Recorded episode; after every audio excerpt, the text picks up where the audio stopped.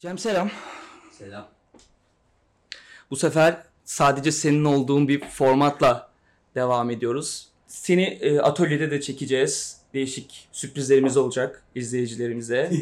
tabii tabii sürprizlerimiz var. Sürprizlerle geleceğiz bu sefer. Yaz geliyor Cem. Bilmiyorum mevsimler de bir atlıyormuş gibi geliyor. Haziran'ın ortasında bu hafta özellikle bu kış gibi bir hava ve yağmur vardı. Bereketli bir haftaydı. İşte bereketli de bereket doğanın kendi akışının ve zamanının içinde gelmediğinde de bir şey oluyor herhalde yani. Şimdi beklediğimiz bereket belki de bu değildi. Yani hep yağmur yağan bir yerdeysek hep yağmur yağsın ama bu mevsimde yağmuru hiç beklemiyorsak ve yağıyorsa e, hafif bir içim cız ediyor. Peki e, doğadan madem şeyden konuşuyoruz. Müsilajla ilgili fikirlerini alsak ne düşünüyorsun bu konuda? Ne olur Ben biz e, bu ülke olarak bunu gerçekten düzgün şekilde atlatıp tekrar canlandırıp bu eski düzeyine getirebilecek bir kapasiteye sahip miyiz? E, siyaset ve politika olarak da biraz veya insan olarak da toplum olarak. Yani ülkenin ağzı köpürdü işte. Denizlerin denizleri de böyle müsilaj oldu. Yani pisliğin artık böyle somut olarak sanki bize doğada diyor ki bu kadar pissiniz. diyor. Edebiyatınız böyle, siyasetiniz böyle, çektiğiniz diziler böyle, politikacılarınız böyle, iş adamlarınız böyle, gazetecileriniz böyle, medyanız böyle, ağzınızdan pis pis salyalar akıyor diyor. İşte deniziniz de böyle diyor. Ben öyle gö- görüyorum yani. Başka nedenleri varsa bile bence bunu da içeriyor. Hı hı. Yani bu bizim pisliğimiz tabii ki. hoyratlıkta bir bir sınır tanımaz bir durumumuz var. Biz ağır hoyratız yani. Biz Türküz. Her şeyin en iyisi bizde. Hatta doğa bile bizde kirlenmez yani. Herhalde öyle bir şeyiz biz yani. Yani o kadar özeliz ki yani. bizim doğamızda bile bir şey olmaz. Yani Türkiye'nin çok iyi doğası falan var zannediyorlarsa da yanılıyorlar öyle. Türkiye dünyanın en iyi doğası olan falan bir yer değil. İşte Türkiye tahıl ambarı diyordunuz. Nerede tahıl ambarınız göremiyorum. Yani kendimizle, kendi narsistik hayalimizle, bireysel olarak değil yani var olduğumuz bütün aidiyetleri çok narsistik bir şekilde yaşıyoruz yani. Sebeplerini biraz konuşsak Cem. Yani çok tahammülsüzüz toplum olarak. Bilmiyorum ya da ben öyle hissediyorum. Bu ki- kişisel hislerim. Bu tahammülsüzlüğün geldiği... Bu his değil artık tatlım. Yola çık.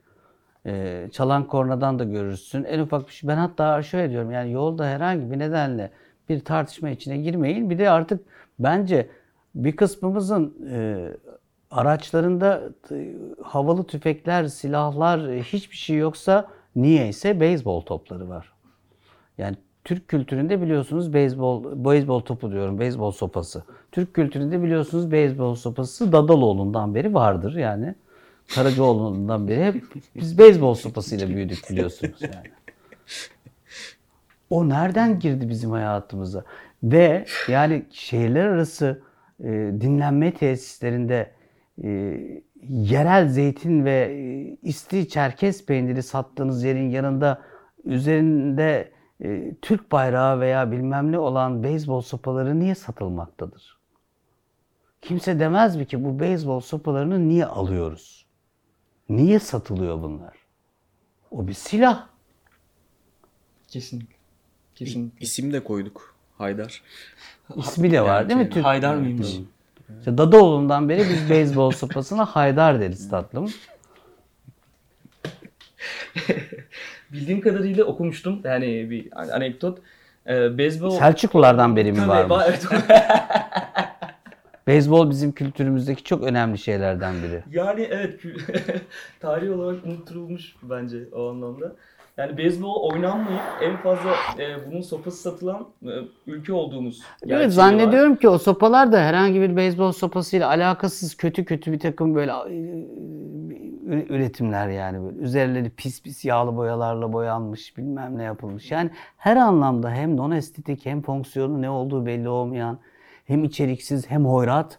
Yani sadece beyzbol sopasının üzerinde ya bu halk niye birdenbire beyzbol sopası satıyor dinlenme tesislerinde çizik zeytin yanında e, ve çerkez peynirinin yanında bakmaya başlasak bununla ilgili bir konferanslar dizisi yapılsa İşte bu, bu kesit hani böyle mikroskopta bakıp bir organın küçük bir kesitinden organla ilgili tanıya varıyor ya patoloji, histopatoloji. E buna bakarak zaten bir sürü şey. Sadece bu- bunu satanlara ve alanlara mesela güzel sorular sorulsa. Abi niye aldın? Dahası alacağımız cevaplardan birinin şu olduğunu düşünüyorum. Abi ben kendimi korumam lazım diyecektir. Yani o saldırganlığın içinde, o senin hoyratlık dediğin şeyin içinde aslında bir korku ve ben başka hoyratlarla ancak hoyratlaşarak yaşayabiliyorum cümlesi çıkacak. Yani karşılıklı bir şey bu. Hepsi de böyle kötücül değil yani. Önüne alan beyzbol sopasıyla gideyim herkesin kafasını kırayım. Varsa da o antisosyallerdir. Ama herkes o hale gelmeye başladıysa sistem olarak bir şeyi ele almamız lazım. Senin fikrin nedir? Neden buraya doğru gidiyoruz peki Cem sence? Neden bu hoyratlığa doğru gidiyoruz? Neden bu, Şimdi bak çok basit basit basit koymaya sorular, basit sorular oluyor? soralım basit. Mesela eve geldin, sevgilin var. Karnın çok aç. Yemek yapalım. Tenceren vardır. Ye- Bilmem nereden sipariş verebilirsin. Sıradan çözümleri vardır hayattaki bir sürü olayın. Ama diyelim ki senin yemek istemen, karnım aç demen bir olay haline geliyor ve bu yüzden cezalandırılıyorsun mesela. Şimdi bu sıradan çözümü geçiyoruz artık. Belki çığlık atman gerekecek. Kavga çıkarman gerekecek. Çalman gerekecek. Yani ana güvenlik, ana iliş, ilişkisel damarlar yok olmuş. Benim başıma bir şey gelirse ülkede bir adalet sistemi var, ülkede bir kolluk kuvvetleri var gibi bir güvenin vardır. O güven sana beyzbol sopasına ihtiyacın yok der. E, o güvenin yoksa beyzbol sopasına ihtiyacın oluşmaya başlar. Sesim duyulmuyorsa ne yaparım? Yüksek sesle konuşmaya başlarım. O da duyulmuyorsa çığlık atmaya başlarım. O da duyulmuyorsa kafana bir şey atabilirim. Kesinlikle. Şey geçen e, bir reklamda gördüm. Zorluyorsun yani. Bir, bir yandan da sistem hoyratlaşmaya zorluyor. Sistematik olduğu kesin. Onu söyleyebilirim. Haklısın. Geçen Bu şuradan- arada hoyratlaşan ve sert olanın da daha kudretli ve kuvvetli zannedildiği de gibi de bir kültürel vasat var. Daha sertse, daha bağırıyorsa, daha bilmem neyse, kafasına vurduysa daha iyi bir şey. Bunu da evden çevirelim. Babam ve annen böyle tutumda olan bir çocuğu daha onaylıyor. Öbürünü de cılız buluyor. Öbürünü de yetersiz buluyor. Zarif davrananı, kibarca isteyeni aşağılıyor. Çocuk hangisi olmaya dair bir gayret içine girer? onaylandığı kısmı tabii ki haliyle. Haklı olarak. Geçen bir reklam gördüm e, Cem. Ne kadar doğru bilmiyorum. Yani dedikleri. Türkiye'nin en çok kitap satılan mağazasının e, A101 olduğu diye bir şey. A101'de satıyormuş. Türkiye'deki en fazla kitap satılan mağaza A101'miş marka olarak. A101'de satılıyormuş. A101'de kitap satılıyor mu? Öyleymiş galiba. Ya BİM ya A101'lerde. Evet, ya lerde bu arada. Yani tek bir şeyinde değil ya. BİM'de A101 diye hatırlıyorum. Buna bakarım, ona göre şey yaparız. Duruma göre keserim. Bu konuyla ilgili bu dediğimiz sistemin aslında e, getirdiği yerde burası olabilir mi? İnsanların kitap almak için alışveriş merkezlerine veya işte market marketin biraz daha büyük olan yerlerde daha fazla oraya işte peynir sebze almak için gittiği yerde kitap almaya başlaması, orada gördüğü için e, almasıyla bağlantısı ne kadar olabilir sence o anlamda? Sistem gene e, bu şiddette gösterdiği yerini bu kitapla ilgili veya kültürle ilgili olan yerinde de gösteriyor olabilir mi bu şekilde? Ne dersin? Bilmiyorum. Bu bilgiyi hiç anlayamadım. Oralarda kitap satılıyor mu bilmiyorum. Satılıyorsa ve alıyorlarsa da eyvallah ama mesela A101 ana ana alanı bu olmadığı için A101'in bir kere rafına kitap seçme ile ilgili ölçütleri vardır. Bu ölçüt muhtemelen tamamen rakamsaldır. Yani şu kitabın e, stoklarımdaki erime hızı. Ben laf bilmediğimden uyduruyorum. Ona bakar. Stokta eriyorsa onu koyar. İşte onu koyunca da o satar. İnsanların gördüğü üzerine yani bu E, sistemin tabii abi rafta yani görüyor, görünce alıyor. E Şimdi neyi görüyor? Tam ona bağlayacaktım. Senin koyduğunu görüyor. Evet. Seni e, kim alıyorsa o belirleyici olmuş oluyor bir, bir anlamda. Dolayısıyla derinlikli bir şey var mıdır orada bilmiyorum. Yok mümkün değil. Yani çok özensiz çevirilerle işte bu dünya Hı, klasiklerinin de özetleri falan şimdi- gibi. Şimdi mesela kitaplarla Yani- ilgili şöyle bir durum var. Bunu insanlar bilsinler. Şimdi bazı kitaplar özellikle klasikler artık teliften düşmüş oluyor. Evet. Ee, en son biliyorsunuz işte bizim Kürk Mantolu Madonna'nın da telif, Sabahattin. Ali'nin de telifleri bitti. Süresi doldu. İşte yazarın ölümünden bilmem kaç yıl sonrasında. Şimdi o zaman ne yapıyor kişi? Bir yayın evi gibi bir yer yani. Alıyor Dostoyevski'nin bilmem ne kitabını uydur kaydır hatta diğer çevirilerden apararak bilmem ne yaparak uyduruk bir şekilde içeriksiz kısaltarak kısaltarak ya Üzerine de ama kısaltılmış demiyor. Yani çocuklar için yapılır ya bazen 10 yaş altı çocuklar için bilmem ne de o da değil.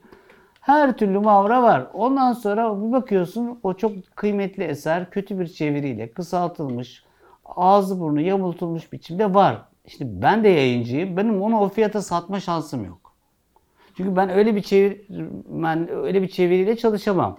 Öyle bir sahtekarlık yapamam. Dolayısıyla benim kitabımın fiyatının üzerinde 10 lira yazıyorsa aynı kitabı ki ben yapmıyorum böyle bir yayın yani klasikleri yayınlamıyorum ama öbürü 1 lira. Bunu denetleyen bir mekanizma yok mu peki Yok. Yok. 1 lira. Peki 1 lirayı işte bilmem ne sepetinden yemek ısmarlıyorsun. Bakıyorsun yanında bazen e, e, lokanta sana e, klasik eser diye bir şey göndermiş. Korkunç. Çeviri korkunç, içerik yalan, bilmem ne yalan.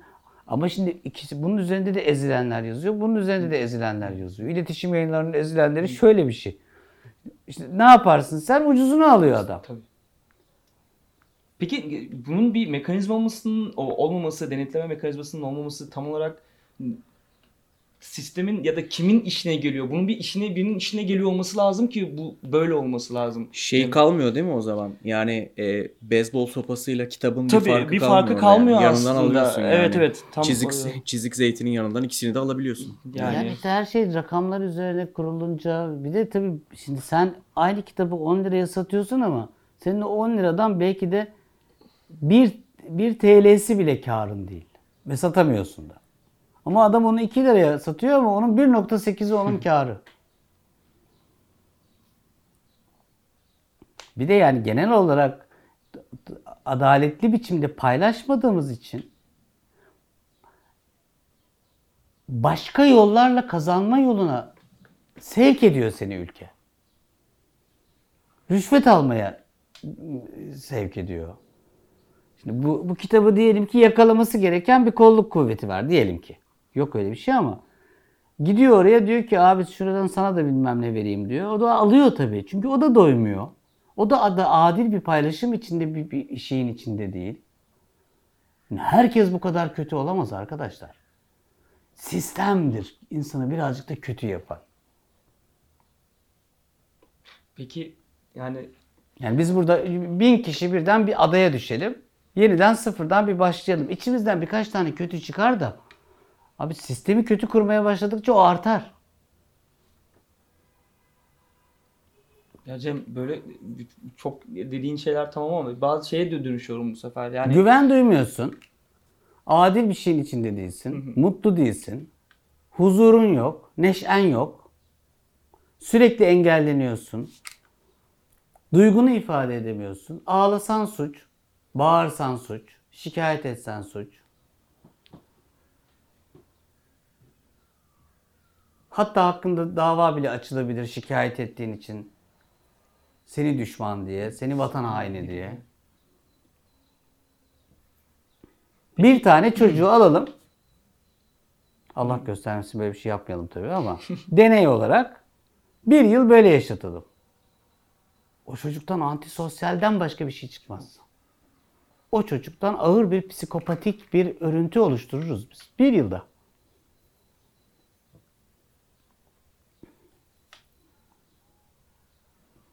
Öyledir ya anneler ve babalarda. Ama bu çocuk çok yaramaz. Ulan niye yaramaz? Aslında neyi anlatmaya çalışıyor? Niye çığlık atıyor? Hiç bakmaz. Ne yapayım? Bir ilaç vereyim de sussun değil mi bu? Uyutalım bunu ya. Bu zaten kötü tohummuş ya. Doğduğundan beri böyleydi değil mi bu yani? Seninle hiç alakası yok değil mi? Senin kurduğun sistemle, senin anne babalığınla, evdeki halle hiç ilgisi yok. Zaten altına da işerdi. Acaba niye işerdi? İşediğinde sen ne yapardın? Çok kolaydır çünkü yani. Kişileri, yapılar, yapılar kişileri, bireyleri, ço- çocuklarını kö- kötü hale getirip ondan sonra onları gayet güzel suçlu haline de getirirsin. Şeyi aklım almıyor sadece. Dediğin dediklerini anlıyorum. Ee, Bak Ama- Sedat Peker ne diyor? Diyor ki hiç kimsenin diyor şöyle diyor. Çocuğunun yanında diyor pisliği kendisine yedirilmez diyor. Çocuğunun yanında soyulmaz diyor. Kim olursa olsun diyor. Bu bu ülkenin bayağı sık yapılan şeylerinden birisi. Neredeyse teamülü gibi. Yani. Yani sen babanı soyup tuvaletini yaptırıp tu- pisliğini kendisine yedirirlerse senin önünde e sen bir sonraki nesil daha çıktığında da bir de suçlu oluyorsun. Evet ama lan bana çok kötü bir şey yaptın ya. Be- Beni bu duyguya taşıdın ya. Biraz dikkat edeceğim buna da yani. Çözümü bu değil diyeceksin. Terör değil diyeceksin ama seninki de bir terör. Yani kendi terörünü de göreceksin. devletler şu anda açık söyleyeyim bana o çok organize terör örgütleri gibi e, yönetiliyor büyük oranda. Hani yetmiyormuş gibi terör örgütlerini de artık kendi e, aparatları olarak da kullanmaya da başladılar. Bu net. Ama yönetim biçimlerimiz de böyle. Biz, biz sırtımızı dayayacağımız güvenlik alanlarımız şu anda böyle. Evet. Kim terörist, kim değil ben de şaşırdım artık. Ama içimizde olan şeyin bir terör olduğunu, buramızda oluşan şeyin bir terör olduğunu, bizi terörize ettiğini, bu terörize eder bazen çıldırtır, çıldırırsın, bazen depresyona girersin, bazen içine kapanırsın, bazen kafana sıkarsın yani. Çünkü terörize edilmişsin. Madem bu konuya girdik çok da güzel oldu Cem. Ee, şimdi Sedat Peker gerçeğiyle birlikte bahsettiğin şeyler çok doğru. Haliyle yarattığın şeyin içerisinde e, parantez içerisinde söyleyeyim o pisliğin içerisinde sen de takılıp kalıyorsun ve sonrasında kendisiyle yüzleşiyorsun ve bunun hesabını vermek zorunda kalıyorsun ister istemez. Kim olursa olsun, hangi sistem olursa olsun bir şekilde dönüp dolaşıp buraya geliyor. Ee, Sedat Peker e, gerçeğiyle ilgili e, biliyorsun kendisi e, bu konuya Freudizyen de yaklaştı. Maslow'dan işte örnekler Freud'dan Maslow'dan örnekler Tabii tabii veriyor. örnekler verdi. E, psikolojik olarak e, örnekler verdi. Bu konuda sana bilmiyorum şey Cem olarak yani psikiyatrist olarak söz tabii ki o anlamda değil ama izledin mi öncelikle? Evet, Hepsini onun izledim. hepsini. Tabii ki izledim. Ben ülkede olan her şeye bakarım. Ne diyorsun? Buna da bakmayacaksam Ben- artık zaten neye bakacağım zaten. Yani Evde maler Evet, dinliyorum sürekli. Fular takıp geziyorum. Maler açıyorum. Hiç işim olmaz böyle şeyler. yani. Manyak mısın Üzüldüm. bu? Şu anda bayağı en, yani en çok izlediğim şey. yani be- benim takıldığım Sadece onu izlemiyorum. Peşine Ruşen Çakır'ı çok izliyorum. Bilmem ne izliyorum yani. Tabii tabii kesinlikle bu arada. Yani genel olarak söylediğimiz şey o yanlış anlaşılmasın lütfen. B- bana hissettirdiği şey Ama mesela ben şu an Norveç'te yaşıyor olsaydım. Norveçli olsaydım daha doğrusu. Orada doğmuş büyümüş. Danimarka'da falan. Bilmem ben mesela İçişleri Bakanı'nın adını bileceğimi hiç sanmıyorum. Hiç. Genelkurmay Başkanı kimmiş ne bileyim ben. Genelkurmay Başkanı diye bir şey mi varmış? Sonra hani biz çok övünüyoruz ya bizde demokrasi acayip oy kullanma oranımız oy oranımız yüzde 90. Ben Danimarka'da Norveç'te yaşasam oy falan kullanmazdım. Çünkü bizim oy kullanmamız bizim demokrasimizin iyi olduğu anlamına gelmiyor. Biz can havliyle oy kullanıyoruz. Survive modunda oy kullanıyoruz. Adam diyor ki şimdi başbakan bu olsa ne olur, bu olsa ne olur. Aslında aralarında çok da bir fark oluşturmuyor yani. Böyle bir dertleri yok. Oturmuş bir sürü şey var. Tabii haklarını zaten Ben ne bileyim ana almışlar. muhalefet partisi başkanı kim yani. İşte biz politize oluyoruz. Politize olma nedenimiz politikadan büyük bir haz duymamız değil. Bana ne politikadan? Babam geldi aklıma. Babama politika ne diye sorduğumda anlattığı cevabı anlatmış mıydım hiçbir diyalogda ben? Hayır hiç. Anlatayım. Çocukken politika kelimesini ilk duyuyorum böyle.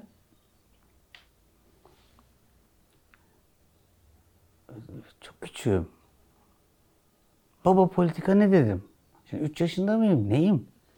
Şimdi 3 yaşında bir çocuğa bu- bir kavramı nasıl anlatacaksın? Babam çok güzel anlatmıştı bana. Hatta şu anda da hala benim için geçerli. Anlatayım mı? Lütfen. ben merak ediyorum kendi adıma. Bir tane padişah varmış dedi Cem dedi. Yalnız dedi padişahın dedi bir gözü kör bir bacağı da top almış. Resminin yapılmasını istemiş. Ve işte tellallarla falan büyük ressamlara haberler gönderilmiş. İşte davul zurnayla aranmış ressam. Bir ressam bulunmuş sonunda. Ressam bakmış abi padişaha. Lan bir gözü kör bir bacağı topal. Padişah ben bunu nasıl kör topal yapayım? Olacak iş değil. Gözünü de normal yapmış. Bacağını da normal yapmış. Tez vurun başını demiş. Peşine bir başka ressam bulunmuş. Ressam demiş ki bu adam demiş samimi bir adam demek ki yani. Körsem kör, topalsam topalım diyor. Ben diyormuş bunu güzel yapayım. Hem kör hem topal bir şekilde yapmış padişah. Tez başını diyor. bir başka ressam gelmiş demiş ki bunun demiş derdi demiş bacağıyla. Gözünde dert yok. Gözünü kör çizeceğim ama bacağını normal çizeceğim demiş. Yapmış tez vurun başını demiş. Öbür ressam gelmiş lan tek seçenek kaldı demiş ya. Ben demiş bunun bacağını göstereyim topal ama gözünü kör yapmayayım. Onun da tez vurun başını demiş. Ben de böyle çocuk dinliyorum. Babamın politika nedir sorusunun yanıtı. Sonra dedi Cem dedi bir ressam gelmiş. O bir resim yapmış. Sarayın baş ressamı olmuş. Bil bakalım ne yapmış dedi. Ben dedim bilmiyorum baba. Padişahı avda çizmiş. Bir dizinin üzerine çökmüş. Gez göz arpacık yapmış. bir şekilde. Bak işte po- politika budur dedi. Kesinlikle. Çok çok çok iyi örnekmiş bu arada gerçekten. Yok hiç anlatmamıştın diyor. Hiç anlatmamıştım. Şimdi birisi bize diyor ki ama padişahımız diyor av falan yapmıyordu diyor. Bacağı da topaldır, gözü de kördür diyor. Bu diyor bir pozdur diyor. Birisi bize onu söylüyor şu anda. Ama işte yerine yeni bir başka bir politika sistemi işleyecek. Politika bununla ilgili çalışıyor. Dolayısıyla mesela samimi ve sahici yaşayanların çok da yaşayabilecekleri, içinde olabilecekleri bir sistem gibi gelmiyor bana. Ben çok politikacı tanıdığım oldu. Çok dürüst ve düzgün insanlar ama gene de politik olmak diye bir şey var. Kesinlikle var. Peki eee devam Politik edelim davranmak biraz. diye bir şey var yani. Var. Politize olmak diye bir gerçek var. Herkes politize maalesef. Yok politize olmak başka bir şey. yok, bir e, k- ilişkide ilişkide, bile po- evet. politik davranmak. Politik gibi davranmak gibi oluyor değil mi? Politik davranmak Evet, öyle bir arkadan haliyle. başlıyor yani. Yani. Orta yolu sürekli bir orta yolu bulmak gibi aslında? politik doğruculuk falan gibi böyle şeyler yaratmak zorunda kalıyoruz. Yani politika aslında böyle bir şey. Peki em, bu konuya girdik ve ben kendi adıma merak ettiğim bir soru var. Ee, özellikle Sedat Peker'in e, 40 yaş altı e, kitleye bir e, konuşması var. E, diğerlerini hiç e, izlemeseler bile e, oluyor şeklinde bir e, düşüncesi var. E, ve en son baktığım rakamlara göre 100 milyondan fazla izlenmiş bir YouTuber aslında baktığınız zaman. 100 milyondan fazla hani izlenen bir gerçek var ve e, etrafımda sorduğum e, ve sosyal medyada gördüğüm kadarıyla e, devlet kurumuna güvenmektense Sedat Peker'in söylediklerine daha çok inanan bir kitle ya oluşturuluyor bilmiyorum ya da kendi kendinden oluşuyor. E, bu devlet kurumlarının bir anda e, doğruluğunun ya da sözde doğruluğunun yıkılması, e, diğer taraftan verilen şeylere karşı e, diğer taraftan cevap verilememesi, e, söylediği şeylerin bazılarının doğru çıkması, e, toplumsal olarak e, bizi götüreceği ve psikolojik olarak götüreceği yeri aslında çok merak ediyorum. Kendi adıma artık hiçbir şeye güvenim kalmadı. Benim kendi düşüncem Bak. bu. Ana cümle bu. Son cümle. Hiçbir şeye güvenim kalmadı. Bu- bu- Sonrasında nereye doğru gidecek sürekli düşünüyorum ve tasvir edemiyorum Cem. Yani bütün Ne ağır bir şey değil mi? çok yani o kadar belirsizliğe sürüklüyor ki beni. Zaten birçok belirsizlik var. Hayat zaten belirsizdir yani. Doğum, ölüm vesaire. tabii, Tamam, tabii, bir sürü- ama tabii. bu, bu artık biz ne yaparız? Bir takım güvenlikler, bir takım sistemler, bir takım düzenekler, ilişkiler, sevgi, saygı, hukuk, görgü kuralları, beklenen bir, bir sistemler kururuz ki bu, bu belirsizlik alanı daha az oluşsun. Bilelim ki hava soğuk da olsa evime girerim çünkü evde kalorifer var. Onu ısıt- beni ısıtır ve o, o, o, günü yaşarım. Ama bu, bütün bunların belirsiz olduğu yerde artık işler biraz karışıyor tatlım. Güven yok.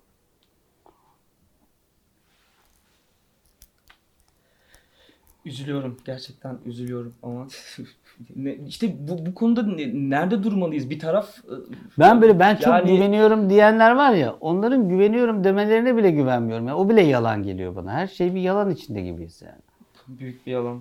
Gerçekten öyle. E, ülkede bir şeyler oluyor. işte adalet sistemimiz var gibi görünüyor ama var gibi görünüyor.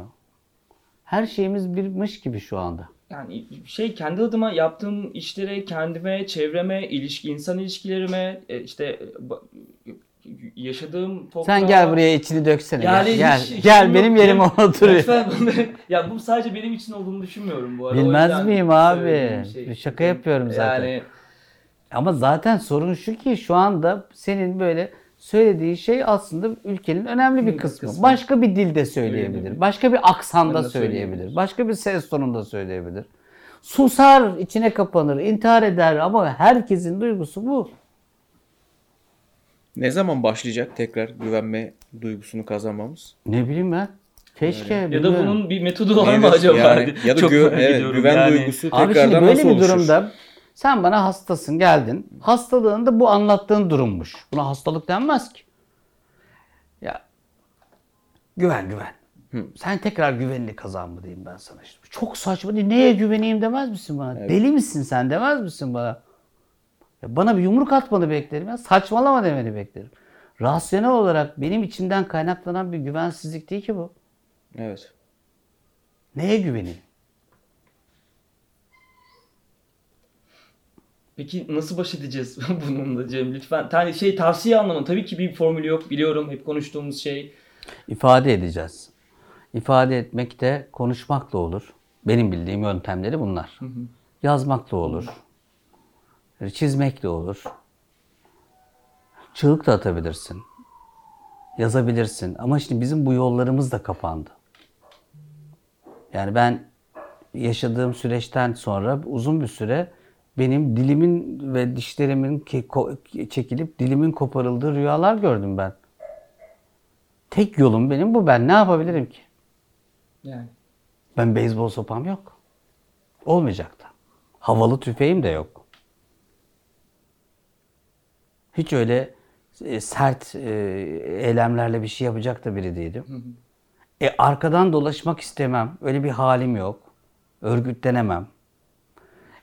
Nasıl örgütlenebilirim?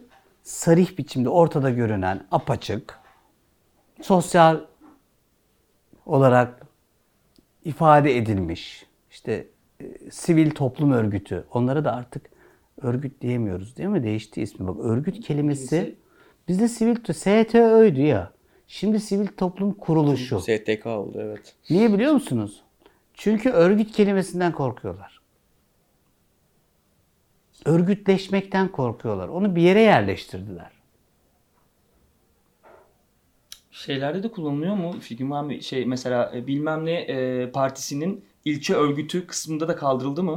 Yani genelde hani şeye yakın kısımlar yani Orada orada kaldırılmamış Ha, olabilir. onu bir şey bir orada kaldırılmıyor ama kimi şey olarak sisteme kullanmıyorlar sistem yani. sis- sisteme tam anlamıyla e, hizmet ediyorsa belki örgüt olabiliyor ama sivil toplum örgütü dediğin an gözünde terörist gibi bir şey canlanmaya başladı demek ki. Şimdi onlar da yok. E, geriye pek bir şey kalmıyor yani. İfade etmek, şikayet etmek, düzeltmeye çalışmak, önerilerde bulunmak. Önerilerim de duyulmuyor. Bilimsel araştırmalar yapmak. Yani bu meselenin çözümüyle ilgili ve nedenleriyle ilgili. Bu da yasak. Yani bir bilimsel araştırma yapsak şu anda biz güzel bir şey kursak hakikaten o araştırmamız bir suç, suç olarak ele alınabilir. Siz halkı bilmem ne mi yapıyorsunuz? Denilebilir yani. Yani benim rasyonel ne biliyorum ben işte sanat da yapabilirim. Ya benim ser, sergilerim bile engellendi ya. İki kere sergim engellendi ya. bu, bu konuyu bilmiyorum. Ya evet. İki tane sergim son anda iptal edildi. Sebep, Sergi ya. sebep, Resim sergisi yani.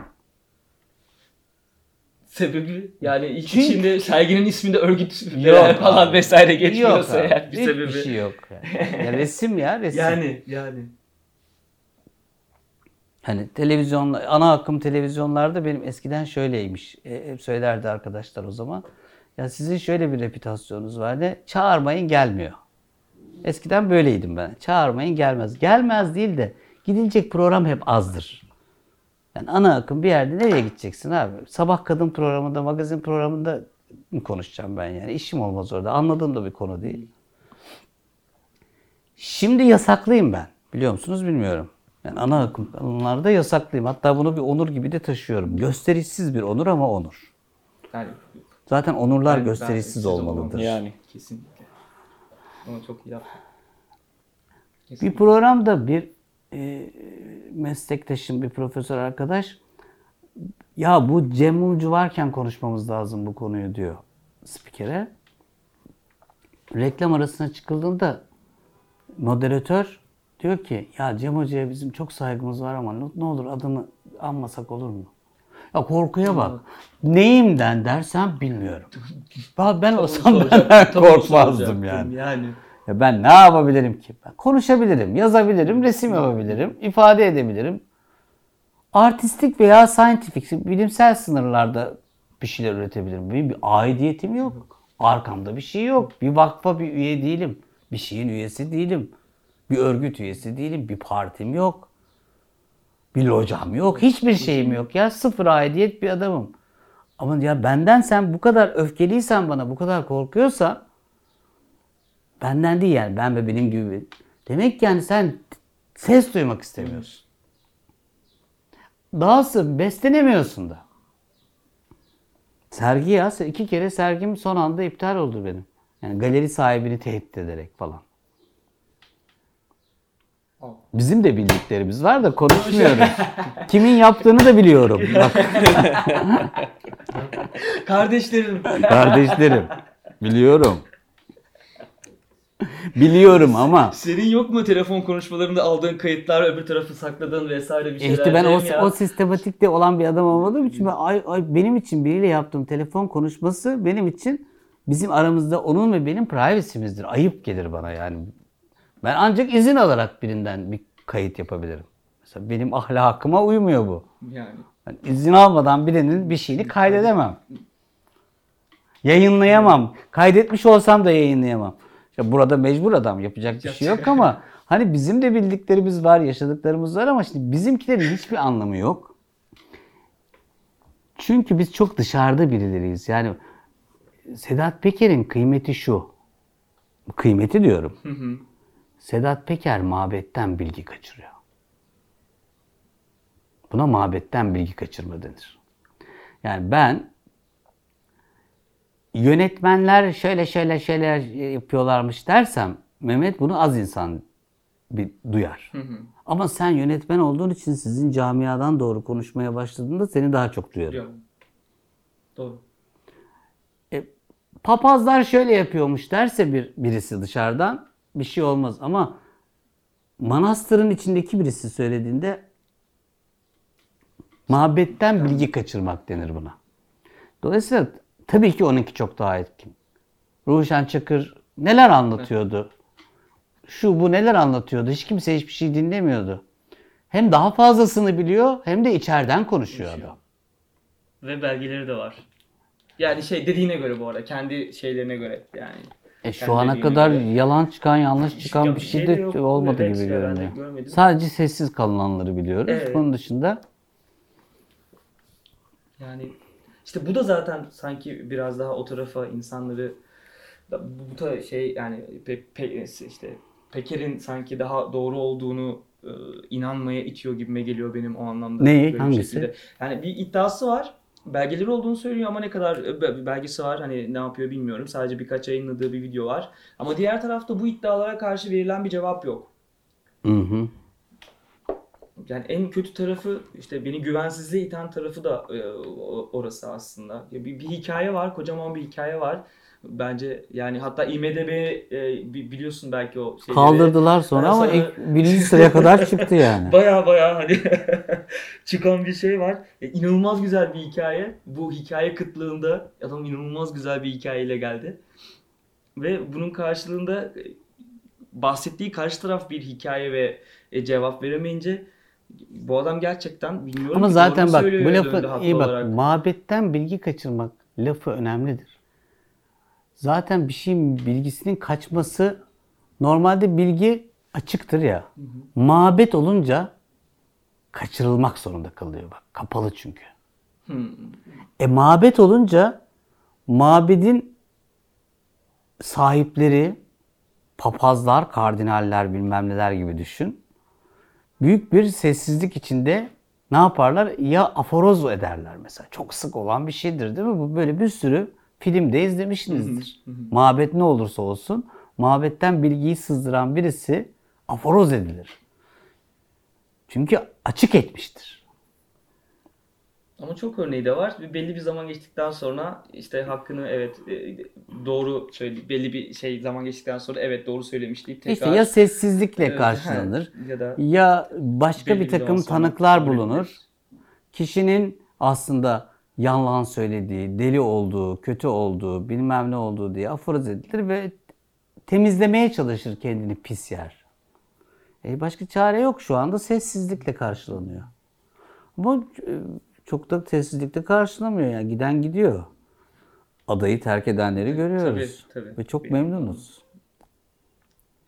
kesinlikle memnunluk verici. O kesin.